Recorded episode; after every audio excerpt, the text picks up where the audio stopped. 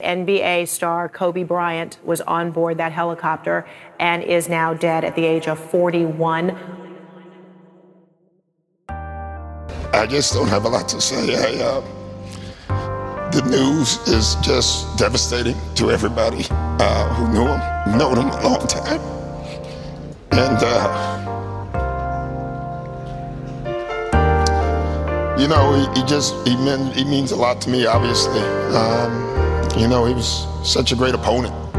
You know, um, it's what you want in sports. Um, he had that that DNA that uh, that very few athletes can ever have. Many say his influence expands beyond just the basketball court. It was more than basketball. It was uh, it was just the mentality to get through life, and he's got me through so many struggles in my life. And it's one of the hardest losses I've ever dealt with, and I've never even met the man. So, even outside of sports, people around the world are mourning the loss of a longtime icon. De Amerikaan zat gisteren in een helikopter toen het misging. Aan boord zaten nog acht andere mensen, onder wie zijn 13-jarige dochter Gianna. This probably was a, uh, probably the hardest game I ever had to play. Uh, just, um, I don't know. It's very difficult for me to put in words how I feel about the loss of Kobe Bryant. Kobe, my thoughts are with you. Absolutely. Rest in peace, young man. This loss is, it's, it's just hard to comprehend. Go with God. You know, I've known Kobe since he was 15 years old, and I was 16, uh, playing AAU basketball. And we go through 18 years of competing and talking junk and about to fight each other and congratulating each other and hating each other, enjoying each other in 18 years it's a little bit over exaggerating, but I felt like this was the first time he was, you know, looking at me as like like the basketball player, Spencer. You know what I mean? And uh, you know, briefly told you guys how much he meant to, you know I'm saying, all the people from, uh, you know, where I'm from. And, you know, for him to tell me that, you know, in, in his book I'm an all-star and stuff like that, you know what I mean, like that, uh, I talked about the popularity contest before, and like, you know, you don't win things like that, you know, when you when you're me.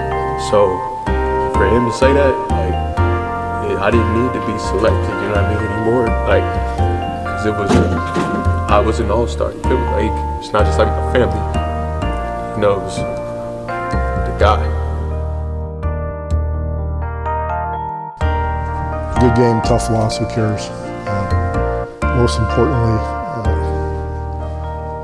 appreciate you all letting the locker room be tonight. Uh, everybody's pretty emotional about the tragedy uh, with Kobe, and uh, all of us know what a great player he was, but he went beyond great playing. He was a competitor uh, that is that goes unmatched. Everything I learned um, came from Kobe. Um, everything take Kobe away, I wouldn't be here. I wouldn't have love. I wouldn't have the passion, the drive. Um, you know, everything. Everything came from him. Kobe meant a lot to me growing up. Uh, I had both jerseys, 8 and 24 growing up. Um, uh, I feel like I studied his footwork game because I respected his. I think he's top two of all time.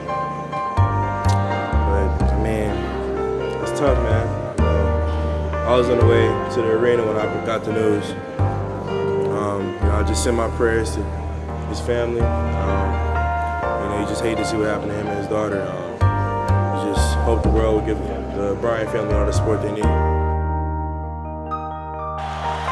My family, to my family, my wife Vanessa, our daughters Natalia and Gianna, you know, thank you guys for all your sacrifice.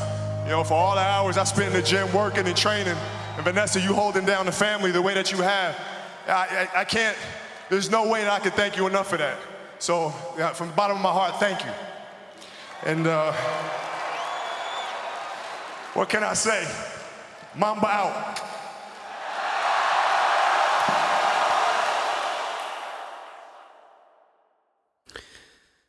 Ja, gisteren was een uh, zwarte dag in de geschiedenis van de NBA en van basketbal in het algemeen. En allereerst wil ik namens iedereen van de basketbalpodcast zeggen dat onze gedachten uitgaan naar Kobe's vrouw, kinderen, familie en vrienden en naar de dierbaren van de medepassagiers uiteraard, want er zijn negen mensen omgekomen. Voor ons als fan was het een shock, maar dat staat natuurlijk in schil contrast met wat je voelt als, een, als je een dierbare verliest. Kan ik je uit persoonlijke ervaring vertellen met mij vele andere mensen. Um, ja, jongens, vandaag staat de hele aflevering in het teken van Kobe. Met mij om hem te herdenken zijn Nick. Hey man. Hey. Ja, jouw ja. stem uh, ook. En Mark. Hey guys. Ja, jongens. Uh,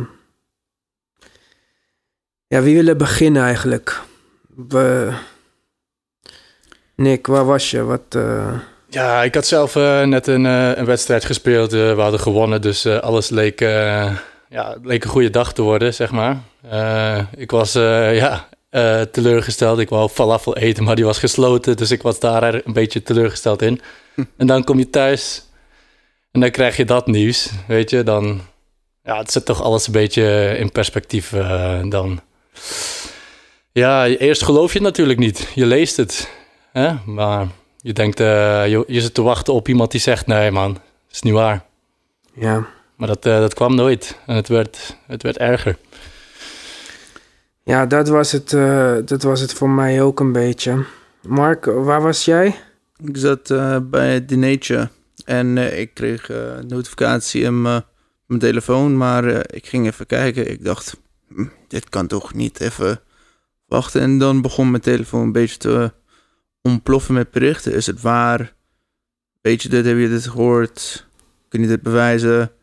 En hmm. ja, ik moest even, even gewoon uh, pauze nemen van het etentje. En ik ging even naar de wc om te checken. En ja, ik was sprakeloos, eerlijk gezegd. Ik wist niet wat ik moest doen. Ja, ik ook niet. Ik, uh, ik hoorde het van uh, Frank Visgraper, zijn basketbalcommentator. En uh, toen dacht ik, ja, misschien is het zo'n stomme hoax of zoiets. En omdat het ook zo kort kwam nadat, die, nadat LeBron hem had ingehaald of zo. Ik dacht, misschien een Kobe-fan die denkt van, hey, ik wil dit niet of zo. Ja, een misplaatste grap of zo. Ja, of, en ik was toevallig in hetzelfde gebouw als David. Dus ik ging op zoek naar hem. En ja, toen zag ik ook zijn gezicht en zo. En toen dacht ik, nee. Wordt gelijk, je voelt het in je maag. Je, ja, en dat was, nog, dat was nog echt in het begin. Want ik heb jullie gelijk geappt toen. Maar uh, ja, op het moment dat je dan dat er meer nieuwsberichten binnenkomen. En uh, ik had CNN aangezet, daar was het gewoon fulltime live uitzending. Hm. Ja, het was echt, uh, ja, bij andere spelers die misschien gestopt zijn en wat in de vergetenheid zijn geraakt of zo, dan zou het anders aankomen. Maar Kobe was nog zo aanwezig in het beeld en bij wedstrijden en de laatste weken vooral met zijn dochter aan de kant, basketbal uitleggen, basketbal praten. Het was zo'n vers beeld op je netvlies dat het. Uh, ja, hij, hij, was nog steeds aan het, aan het stijgen in populariteit, zeg maar. Hij, hij, hij ging zo goed om met zijn, uh, met zijn retirement. Hij, hij begon net een nieuw hoofdstuk samen met zijn dochter. Ja. Ja, nee, zijn, uh, zijn taak was nog verder van uh, volbracht. Hij had nog heel veel mooie dingen, denk ik, in petto. Dat was echt bijzonder over Kobe. Het maakt dat als hij niet aan het spelen was, bleef hij altijd in de publieks ogen. Hij was altijd iets aan het doen waar Mensen waren aan het praten. Ook als hij niet speelde toen hij met blessures. Je wist altijd over Kobe wat hij aan het doen was. En dat was een van de bijzonderheden over Kobe. Want als introvert was hij nog... Iedereen wist alles wat hij aan het doen was. Hij was echt bijzonder. Een van zijn talenten. Ja, en ook waar, waar Michael Jordan na zijn carrière een beetje ging verschuilen, zeg maar. Was Kobe echt gewoon overal aanwezig om iedereen, uh, ja, om zijn kennis door te geven. En ja, ik weet niet, het kwam gewoon altijd zo authentiek over wat hij zei. Omdat het dat ook was. Ja, het is ook, ehm, ik denk in, in zijn geval meer dan basketballen. Kijk, ik heb al vaker op deze podcast gezegd dat Sprewell bijvoorbeeld mijn favoriete basketballer. Maar ik heb geen idee wat deze man vindt of doet of denkt of zo. Dat, eh, dat, ja, ik weet niet eens of ik een boek zou lezen als het uitkwam over hem. Maar bij Kobe was het gewoon die hele, wat hij dan noemde, zijn Mamba-mentaliteit. De Mamba-mentality. Dat is iets wat ik bijna dagelijks gebruik in praten. Het is iets wat ik tegen ex-vriendinnen heb gezegd van... je hebt geen Mamba. je hebt geen Mamba-mentality. Kom op, kan dat een beetje met meer inzet. En dat is, ja... En, en in dat... Ge niet op gebied van basketbal natuurlijk... maar in het gebied van het leven is hij dan denk ik wel de speler... die het meeste invloed heeft gehad op mijn leven... Want de Mamba mentality, zijn filosofie is ja, een gedeelte van my way of life. Alles wat je doet voor de volle 100%, voor 200%. Als je harder werkt dan je tegenstander, dan, uh, dan kun je ze verslaan. Ja. Ja, en uh, ja, het, uh, het was echt een shock. Het is nog steeds een beetje ja, ja, een raar gevoel. En ja. Voor mij is het een van de. Kijk, ik was toen ik was geboren, was Kobe in de eerste jaar in de league. En mijn hele leven, toen ik basketbal volgde, was het Kobe.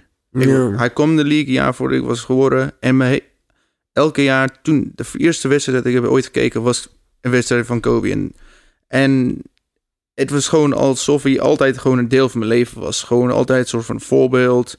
Zoals je zei, we hebben, iedereen heeft uh, een uh, belangrijk persoon in hun leven kwijtgeraakt. Of door een ziekte of die soort dingen. Of gewoon hartaanval. En voor mij was het alsof ik iemand, gewoon een familielid was kwijtgeraakt. Iemand die altijd ik kon kijken voor een beetje motivatie of inspiratie. En dat was waar ik altijd op Kobe kon lenen. Om inspiratie als gewoon mijn dag niet goed ging, kon je gewoon denken, ja, mama mentality of gewoon don't stop halfway, stop at the end. Nooit gewoon iets de helft doen, altijd 100% of chase, be the best, maak gewoon een indruk. Ja, ja zijn work, work ethic was echt uh, legendarisch. Ja, hij is echt uh, op deze aarde gezet om, uh, om gewoon te doen wat hij gedaan heeft, zeg maar. Hij, hij heeft gewoon uh, alles eraan gedaan. Als je ook interviews zag van toen hij net uh, in de league kwam, in de NBA. Dan, uh, ja, hij voorspelde het bijna, zeg maar. Omdat hij gewoon wist dat hij harder ging werken dan gelijk wie. En dat, dat, dat maakt het zo speciaal. Ja, ik hoorde ook Robert Ory zeggen van dat, je, dat ze vroeger voordat Kobe in het team was... wel eens gewoon bier meenamen in de kleedkamer... En vanaf het moment dat Kobe daar was, dat dat gewoon afgelopen was. Ja. Want we spelen gewoon om te winnen. En uh, deze mentaliteit uh, trek ik niet. En alle verhalen van Matt Barnes, die gewoon een van zijn grootste tegenstanders was. En dacht dat Kobe hem haat. En dan een belletje krijgt in de zomer van free agency: van hé, hey, kom met mij spelen. Ik hou van jouw mentaliteit. En ja, voor mij was het hoogtepunt, denk ik. Uh, toen hij zijn Achilles scheurde. Hmm. Space. En terugkwam op het veld en twee vrije worpen nam. Ja, dat, waarom moet je dat doen? Er is helemaal nergens voor nodig. Het zijn maar twee punten. Maar dat, dat geeft gewoon aan dat hij alles eruit kneep. En ook na die wedstrijd. Hij, hij ging uh, interviews doen en je zag gewoon in zijn ogen de pijn. Ja, en hij, hij wist het. Hij had gewoon, ja, want hij was echt, onder die jaar, hij was echt gewoon 40 minuten aan het spelen elke wedstrijd om ze in de playoffs te brengen. 40 punten per paar wedstrijden. Hij was echt gewoon, je dacht, hoe kan, dit kan gewoon toch niet doorgaan. 34, zo goed aan het spelen. En Ja. toen hij die vrij worpen nam, je zag echt, dit is de hard, dit is gewoon, nu snap je waarom iedereen zo, ja, hij, hij heeft zo'n grote aantrek, aan- ja, attractive force aan hem. Je wilt gewoon dat soort persoon in je leven hebben. Want hij heeft ook, hij heeft ook eh, altijd veel haters gehad, zeg maar. Maar ik denk dat de haters zelfs diep van binnen echt eh, een beetje opkeken naar hem. Je kan, je kan gewoon niet... Ja. Ik denk je? dat je hem haat om als je niet dat kan geven wat hij gaf, zeg maar. Als het jou moeite kost om 100% te geven en iemand staat tegenover jou die elke dag 200% geeft. Ik heb wel eens een verhaal gehoord van, eh, volgens mij was het Kenny Smith die dat vertelde, van moest hij tegen Kobe spelen. En hij dacht van ja, ik ga een beetje inschieten in de gym. En had hij gebeld of, hij de, of de gym open kon, zodat hij eh, kon eh, spelen. En hij kwam daar en wie was daar? Kobe. En Kobe was al volledig aan het zweten. Die was al midden in zijn workout. En hij ging schieten, schieten, eh, werken, werken. En hij dacht op een gegeven moment, ik ben kapot. En Kobe was nog aan het doorgaan. En toen ging hij weg. En jaren later sprak hij hem en zei van, wauw. Dat jij, ik, hoe, hoe lang was je eigenlijk aan het werk? Hij dacht, nee, ik heb alleen gehoord dat jij naar de gym kwam. Toen ben ik gaan trainen. En eh, wat er ook gebeurde, ik ging wachten tot je klaar was om door te gaan. Om jou te laten zien dat alles wat je doet niet genoeg gaat zijn. Want alles wat jij doet, ik doe meer. Ja, dat was Kobe-mentaliteit. Dat was de Mamba-mentality. Als hij je ziet, dan killt hij je. Ja, ja.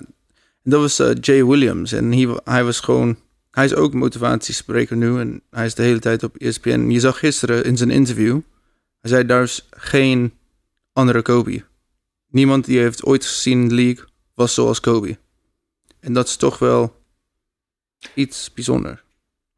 Wie denken jullie dat eh, de Mamba mentality eh, overneemt nu in de NBA? Niet, dat- ja, hij speelt natuurlijk al een tijdje niet meer, maar nou, in mijn ogen is het eh Giannis Antetokounmpo wel. Ja, misschien wel. Die het dichtst in de buurt komt, ook op vlak van eh, talent, zeg maar.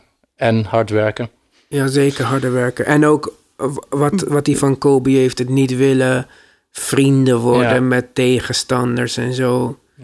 Kobe had hem ook als doel gege- eh, had hem eerst als doel gegeven eh, na, nadat hij de Most Improved Player had gewonnen. Had hij MVP hem toch? MVP gegeven. Dan is hij MVP geworden en dan zei Kobe next up championship. Ja. En nu heeft Giannis eh, sociale media verwijderd, zeg maar. Dus ik denk dat hij gewoon helemaal, helemaal gek gaat worden van eh, dit seizoen. Ja, ik hoop dat hij dat kan channelen naar een, eh, naar een motivatie. Ben Simmons in mijn ogen. Hij is gewoon, hij maakt nou wat iedereen doet. Hij is gewoon op zijn eigen pad. In een soort van manier. Ik weet niet, misschien is, zie ik het fout, maar in een andere manier, als ik, toen ik hem- Ben Simmons zag op zaterdag, je zag, dit is iemand, hij zit, hij boeit hem niet. Hij wil het gewoon, hij wil gewoon winnen, elke wedstrijd. Ben ik, ik zou heel graag willen dat je gelijk hebt, natuurlijk. maar ik denk dat als Ben Simmons... De, ik snap ook waarom je dat zegt. En dat gedeelte ben ik het mee eens. Maar Kobe zou nooit drie seizoenen voorbij laten gaan... dat er zo'n grote hole in zijn game was. Ja, geen, zo'n gebrek, ja, een beetje gebrek aan eh, improvement, vooruitgang. eh, dat zou hij inderdaad niet. Vandaar dat ik Janis had gezegd, omdat Ja, hij echt. dat, eh, hij, heeft, hij gaat zijn, eh, zijn, zijn, zijn flaws, zijn gebreken niet uit de weg. Zeg maar. hij, hij, iedereen lachte dan wat hij niet kon schieten. Dus wat doet hij nu? Gaat hij elke wedstrijd eh, Ja. drie punten schieten? En Dat is vergeet- precies- dat is precies wat Kobe ook deed eh, in het begin van zijn carrière. Wou hij ook de wedstrijd afmaken. Vaak ja, zonder succes. En dat is ja, precies wa- waardoor hij dat vertrouwen heeft gekregen. Dus ja. En vergeet ook niet dat Kobe's eh, werkinstelling weer gebaseerd is op die van Michael Jordan. Allebei staan niet bekend als de vriendelijkste teamgenoten. En eh, allebei hebben ontzettend hard eh, gewerkt. Het zijn natuurlijk super talentvolle mensen, anders kom je überhaupt niet, niet zo ver natuurlijk. Maar ehm, ja, het is, eh, het is de inzet die ze zo eh, bijzonder heeft gemaakt. En die inzet die gaf Kobe door aan zijn dochter. Ze waren op weg naar een eh toernooitje waar zij ging spelen. We zagen haar ook de laatste tijd vaker in beeld aan de kant van basketbalwedstrijden als ze samen over strategieën aan het praten waren en dat Kobe waarschijnlijk plays aan het aanwijzen was of weet ik veel. Ontzettend treurig. Ik kan me niet voorstellen hoe het is voor eh, Vanessa, zijn eh, vrouw. Die op één dag haar kind verliest en eh, haar man. En natuurlijk voor alle andere inzittenden. Want wij zijn een basketbalpodcast en wij hebben het over Kobe, maar het uh, zijn negen mensenlevens verloren gegaan. Waaronder een piloot, uh, een honkbalcoach, als ik me niet vergis. Ja. Assistentcoach van het meisjesteam en kinderen. Dus ja, het is. omdat het Kobe is, is het zo'n. is het big nieuws. En heeft het ons aangegrepen. Maar op menselijk vlak is het natuurlijk uh, heel treurig voor alle families die hierbij betrokken zijn. Ja, zeker. En uh, misschien is het niet de handigste ding om te zeggen, maar mijn idee van Kobe is dat hij zou alles doen om gewoon zijn familie te verdedigen of beveiligen. En ik kan gewoon zien in die beeld van die helikopter zou hij gewoon tegen Gigi zeggen, ja, it's gonna be alright. Terwijl hij wist gewoon alles fout ging. Gewoon vasthouden. En dat, dat zijn, dat, ja, ik weet niet, gewoon dat soort van vader of idee van Kobe dat ik heb. Alles, alles voor zijn familie. Dat betekent wel dat je je leven hebt geleid op een bepaalde manier. Dat je zo'n indruk achterlaat dat wij dat voor hem zouden invullen, zeg maar. En eh, ik denk het ook zeker. Hij stond bekend als goede vader, als, uh, als uh, liefhebbende vader. Dus ja. Wat zijn jullie favoriete. Of wat, wat was je eerste. Ja, memory van Kobe? Ja, ik haatte hem. ik haatte hem. Ik, ik was natuurlijk een Iverson-fan. Hè? en ja, in de finals heeft hij ervoor gezorgd dat Iverson geen ring had gewonnen. Dus ja, in eerste instantie was hij de vijand. En ja, Kobe en Shaq, als je zo'n goed team hebt, dan krijg je natuurlijk wat haat.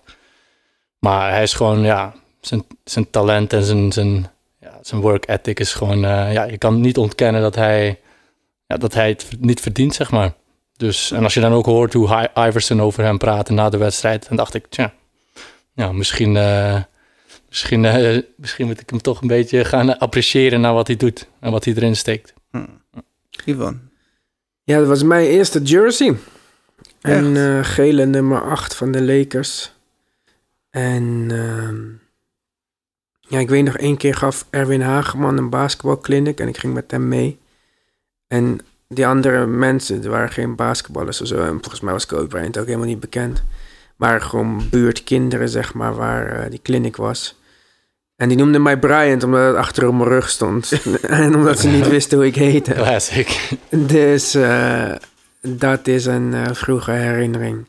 Ja, voor mij, het was eerst echt de speler.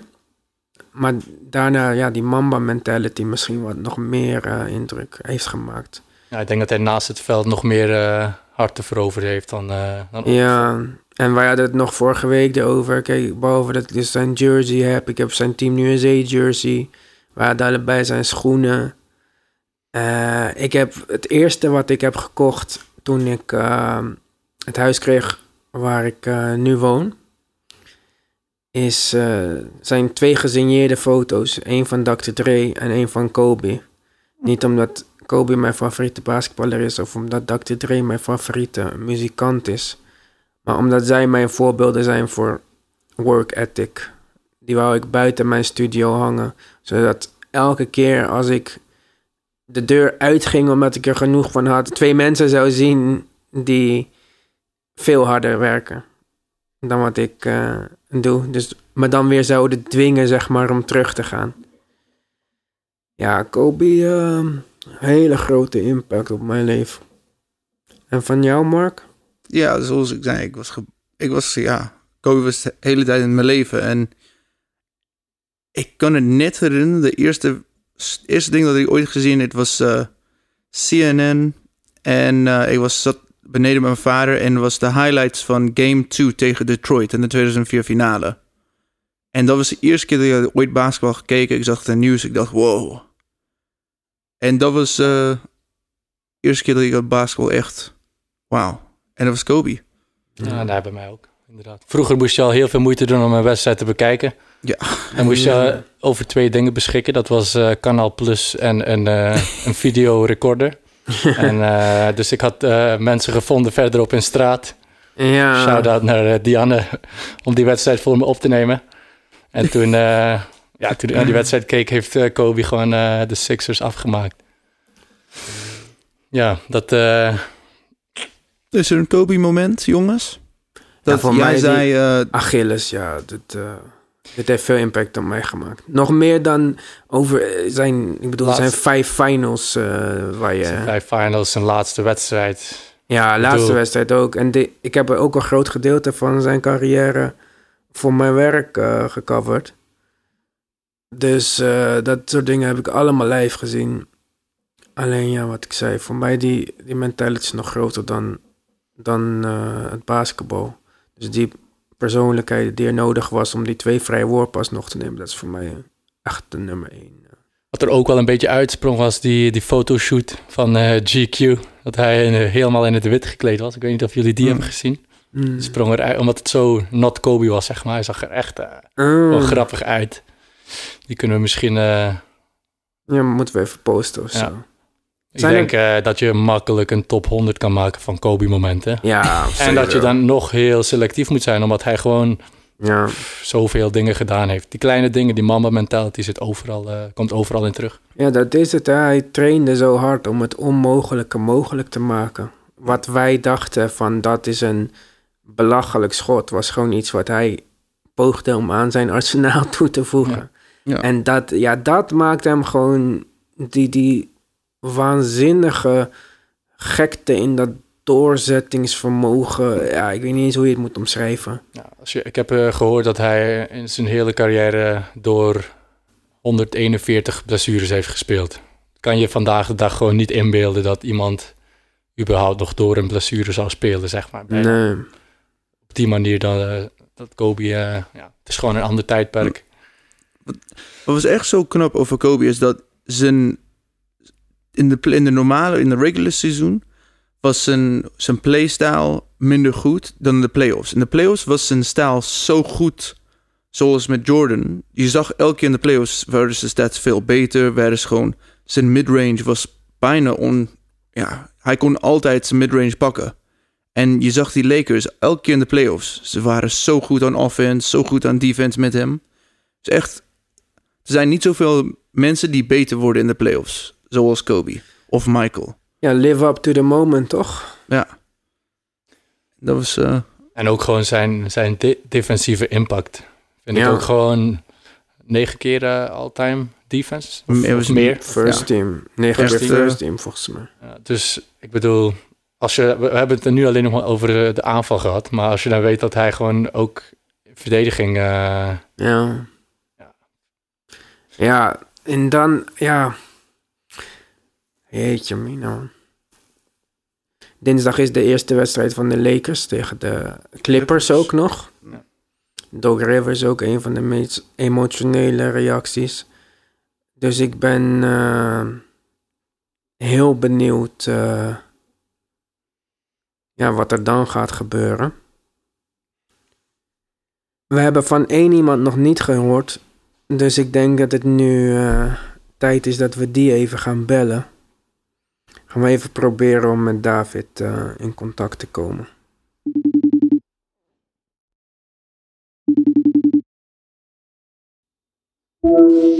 Hey. Yo.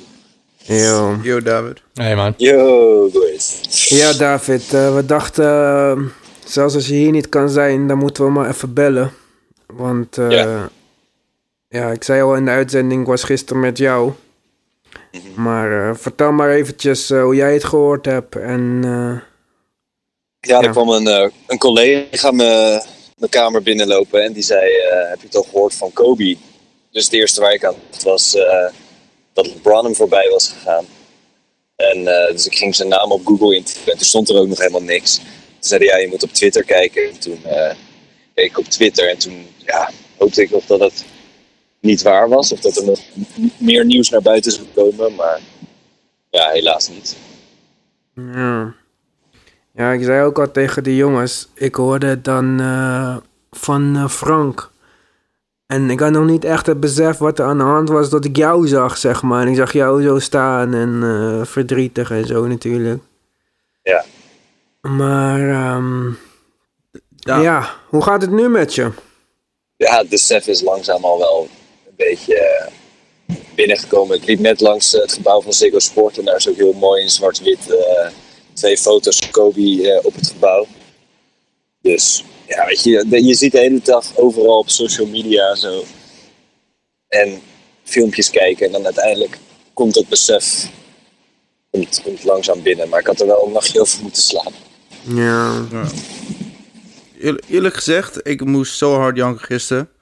Maar, en ik weet niet of jullie, maar David, wat was jouw eerste memory van Kobe? Of dat jij kan herinneren? Ja, niet echt één specifieke, maar wel gewoon de, de drie titels die hij toen met Shaquille O'Neal ha- haalde. Begin eh, van deze eeuw. Dat was wel voor mij de kennismaking met Kobe. Dus, dus daar begon het eigenlijk allemaal al. Daarna kreeg je natuurlijk die, die jaren dat hij in zijn eentje bij de Lakers zat ongeveer. Dat hij toen ook MVP werd en zo. Met Kwame Brown en zo. Ja, precies. En Smoosh Parker. DJ Mbenga. Oh nee, dat was later. Ja, die was wat later in. Ja. En, eh, en toen kreeg je nog die twee eh, titels met Pau Gasol natuurlijk. En dat heb ik gewoon, daar heb ik elke wedstrijd gekeken. Zo, En al die jaren daarna ook. Dus hij, hij heeft ook precies mijn, mijn basketbal eh, fandom, zeg maar, is precies Kobe's carrière geweest. Ja, dat was met Mark, zei het ook al, ja. Wat was, an, wat was anders over Kobe voor jij dan andere spelers, David?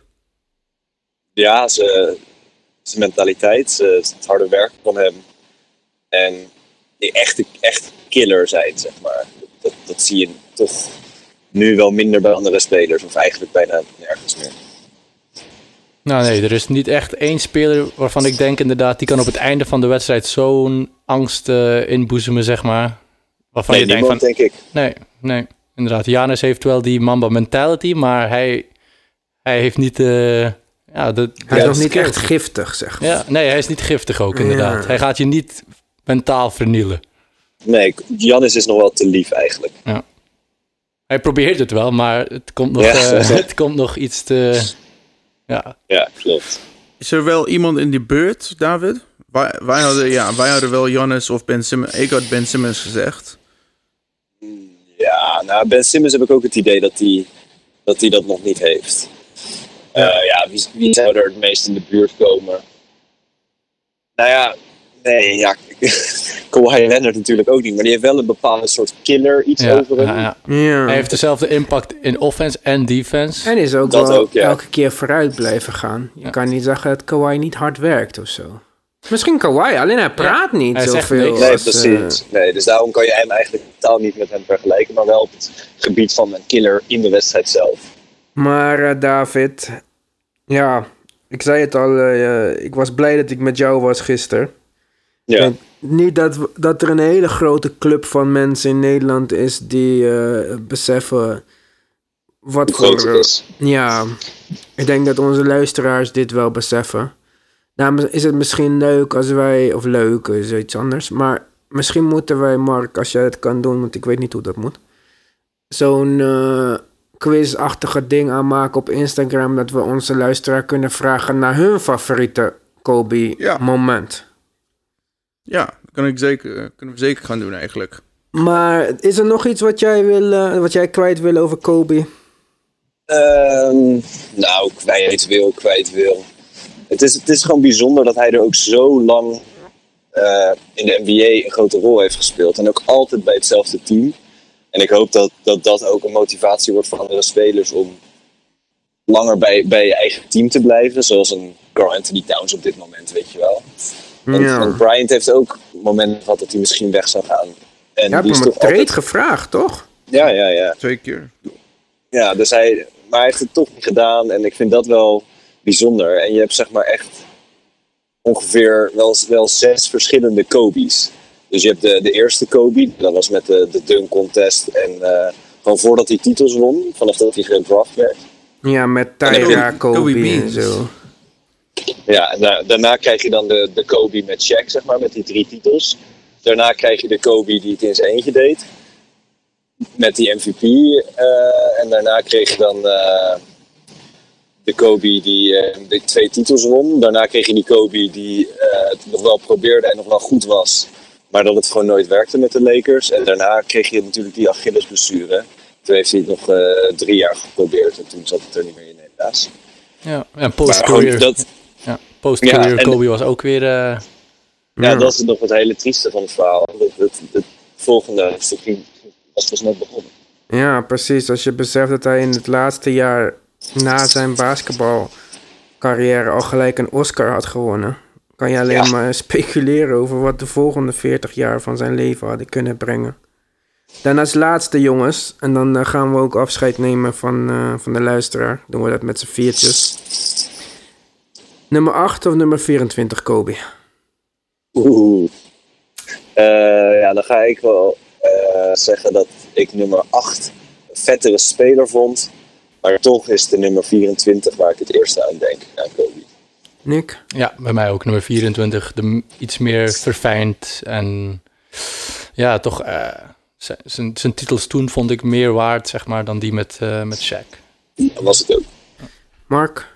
Nummer 8. Want dat was de Kobe waar hij was alles aan het leren hoe hij moest spelen, als hij moest pasen. Wat, hij maakte fouten en hij was niet perfect. En dat was wat ik zo bijzonder vond. En zo jong alles doen en Ja, hij had echt wel... Hij was in LA en gewoon jezelf ont, ja, ontwikkelen. ontwikkelen. Dat vond ik gewoon die hele tijd zo bijzonder en daarom nummer 8. Ja, voor mij moeilijk, maar...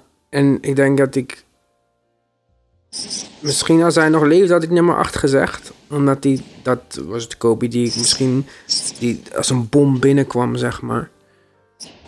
Maar... In dit geval ga ik toch 24 zeggen. Omdat hij als die... Sensei, master level... Zwarte band, einde van zijn carrière. Dat hij gewoon verder was dan iedereen. Ja, de league echt gedomineerd heeft. Ja, dat was echt de Black Mamba tijd. Ja, en eh, dat. eh, ja. Maar gelukkig hoeven wij niet te kiezen, want allebei eh, leven voort in onze herinneringen en in de herinneringen van alle basketbalfans over de hele wereld. Dus jongens, Mamba. Laten we, ja, laten we positief blijven, inderdaad. Eh, hij gaat eh, de geschiedenis in als een eh, icoon. Ik denk, eh, ja, zoals meer, meerdere die eh, te vroeg zijn gegaan. Hij is automatisch in de Hall of Fame, hebben ze gezegd gisteravond. Dus, eh, ja, was hij ook als hij zou leven natuurlijk. En eh, ja, thank you Kobe. In mijn, Ja, toch. Laten wij gewoon eh, proberen om ter ere van hem ook met de Mamba mentality eh, de dingen te doen in ons leven. Dus jongens, wij heffen het glas en proosten op Kobe.